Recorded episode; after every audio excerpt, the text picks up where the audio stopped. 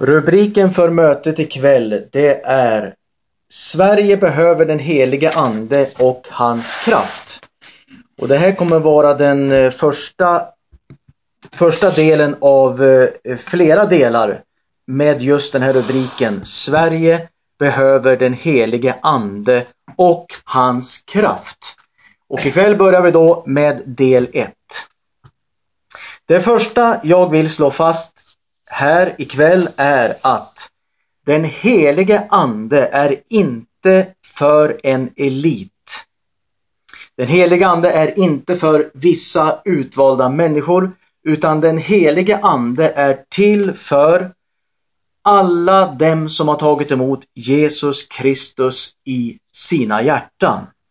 Han gör ingen åtskillnad på människor utan var och en som tror på Jesus Kristus har den möjligheten att ta emot den helige anden och få uppleva hans kraft och smörjelse. Vi börjar då säga så här under den första delen här. Den helige ande är inte för en elit. Han är en gåva. Ingenting annat än en gåva. Och då går vi till Apostlagärningarna 2 och ska läsa vers 38 och 39. Apostlagärningarna 2, vers 38 och 39. Den heliga Ande är en gåva. Då är det Petrus som talar där till folket och då står det så här. Folket frågar, bröder, vad ska vi göra? Petrus svarade dem. Omvänd er och låt er alla döpas i Jesu Kristi namn, så att era synder blir förlåtna. Då får ni den helige Ande som gåva. Då får ni den helige Ande som gåva. Och han fortsätter. Löftet gäller er och era barn och alla dem, alla dem, lägg märke till det, alla dem som är långt borta, alla som Herren vår Gud kallar. Inte några, utan alla som Herren vår Gud kallar. Vi läser också i första Korinthierbrevet, eh, det känner ni till, eh, den tolfte kapitlet, där det står om den helige andens olika gåvor och den heliga andens olika eh, frukter vet ni finns ju. Och det är klart och tydligt att det är den helige anden som uppenbarar sig i människan när dessa gåvor eh, kommer på tal. Det är alltså andens gåvor, inte människans gåvor, utan andens gåvor. Det är inte heller människans egna frukter, utan det är andens frukter.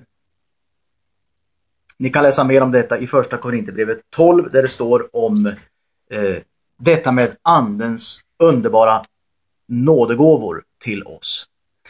Det andra jag vill säga under den första punkten är det är Jesus som döper i den helige Ande. Eh, det står i Matteus 3.11 Men den som kommer efter mig, säger Johannes döparen då, men den som kommer efter mig är starkare än jag och jag är inte ens värdig att ta av honom sandalerna. Han ska döpa er i den helige Ande och eld. Han Jesus ska döpa er i den helige Ande och eld. Det tredje jag vill säga under den första punkten är att kanske det viktigaste här ikväll. Den helige Ande är till för folket. Den helige Ande är till för Sveriges folk.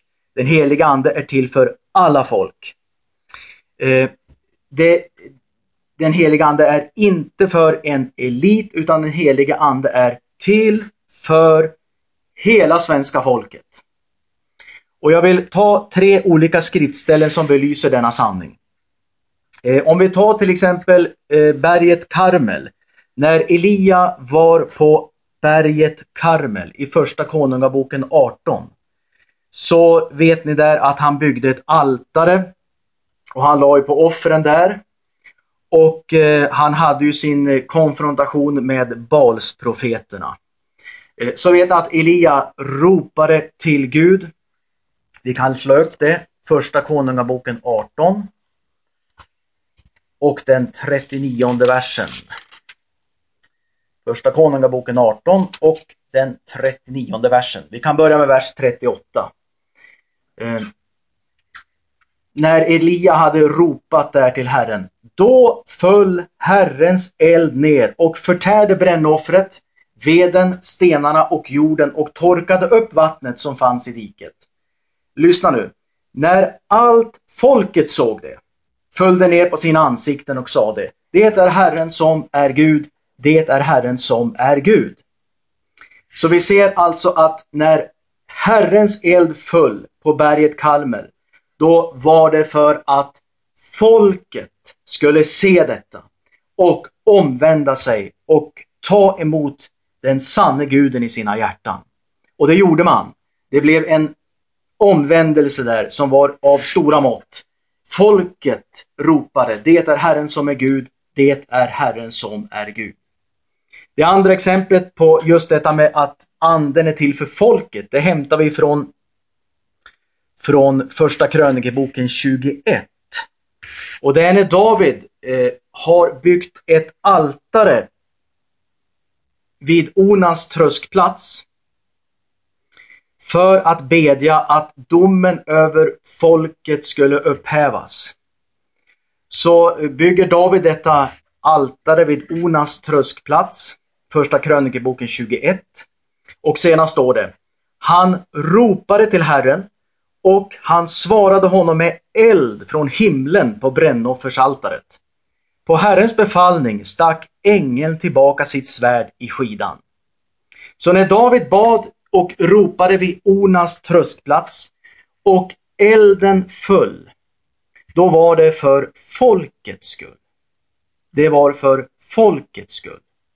Därför att det står att på Herrens befallning stack ängeln tillbaka det här domssvärdet tillbaka i skidan. Så att domen upphörde. Och det tredje, det är ju det underbara som händer på pingstdagen. Som vi så många gånger har läst. Eh, på pingstdagen föll andens eld över Jerusalem. Och 3000 ur folket blev frälsta. 3000 ur folket som inte före kände Jesus. Eh, som inte före hade eh, tagit emot honom. När andens eld föll på pingstdagen, då blev 3000 personer ur folket frälsta. Okej, okay, den andra eh, punkten i det här första bibelstudiet om Sverige behöver den heliga ande och hans kraft. Det är den heliga ande är en person i treenigheten.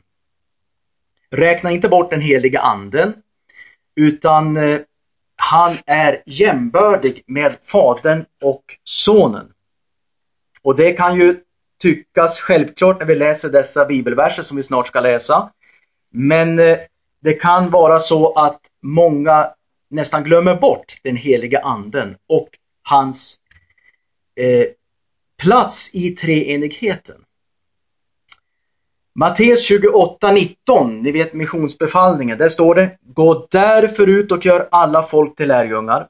Döp dem i Faderns och Sonens och den helige Andes namn.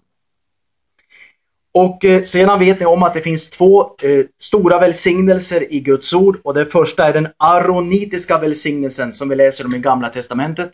Och i Nya Testamentet då kallas den för den apostoliska välsignelsen. Och den aronitiska välsignelsen läser om i fjärde Mosebok. Där det står, det känner du till, Herren välsigne dig eh, och, och Herren låter sitt ansikte lysa över dig och Herren vände sitt ansikte till dig.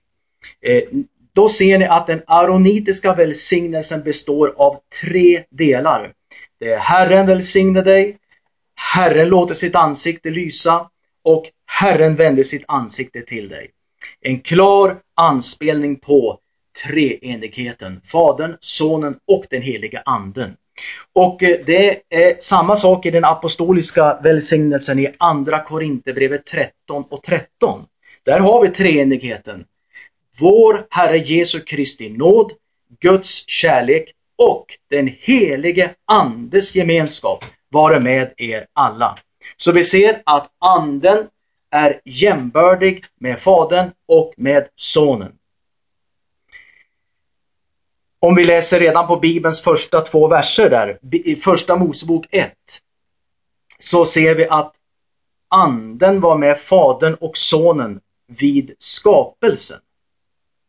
Och i Jesaja 6 så utropas det eh, från seraferna Helig, helig, helig är Herren Sebaot. Där har vi det trefaldiga helig, helig, helig. Fadern, Sonen och den helige Anden. Sen kommer vi fram då till den sista eh, punkten i, i, i det här bibelstudiet ikväll. Och det är att vi är helt beroende av den helige anden. Vi är helt beroende av den helige anden och det är han som åstadkommer hallå, hallå. de stora resultaten. Och då börjar vi med Sakarja 4 och vers 6. Icke genom någon människas styrka eller kraft ska det ske, utan genom min ande, säger Herren Sebaot. Det här är ju en oerhört känd vers och vi sjunger ut detta också i, en, i, i den här kören ni vet, som vi har sjungit många gånger. Icke genom någon människas styrka eller kraft skall det ske, utan genom min ande, säger Herren Sebaot. Och som vi redan har omnämnt i första Korinthierbrevet 12 så, så eh, berättade vi där att det är andens gåvor och eh, även andens frukter, inte människans egen kraft. I Johannes 16 så säger Jesus mycket tydligt och klart där eh, att det är den helige anden som ligger bakom att folket, att världen, att människorna ska ta emot eh, Jesus Kristus. Då säger Jesus i Johannes 16, vers 8. Och när han kommer, den heliga anden alltså, skall han överbevisa världen om synd och rättfärdighet och dom.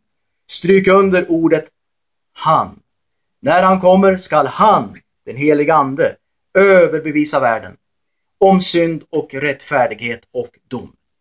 Vi är alltså helt beroende av den helige anden. Och vi har ju redan läst om pingstdagens händelser och eh, ni känner till Cornelihus också. Hur anden föll i Cornelihus. Det var ju hedningarnas pingst som man brukar kalla det. Och eh, det var ju andens kraft som åstadkom dessa två underbara händelser i Apostlagärningarna 2 och i Apostlagärningarna 10. Det var andens kraft, andens vind, andens smörjelse som åstadkom eh, att människorna tog emot Jesus Kristus i sina hjärtan. Den sista versen för den här kvällen, det blir från Romarbrevet 15. Paulus är ju eh, av eh, eh Paulus hade ju stora resultat i sitt liv. Men han var en bristfällig människa precis som du och jag är. Eh, och eh, han säger själv så här om sin tjänst. Den var ju väldigt framgångsrik men det berodde inte på Paulus själv. Utan det berodde på eh, den, han som verkade genom honom. Han säger själv i Romarbrevet 15. Jag vågar inte tala om annat än det som Kristus har gjort genom mig för att föra hedningarna till lydnad.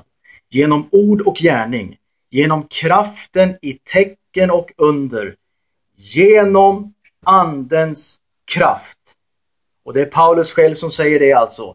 Genom Andens kraft har jag gjort allt detta. Inte i min egen kraft. Ja, vi stannar där ikväll.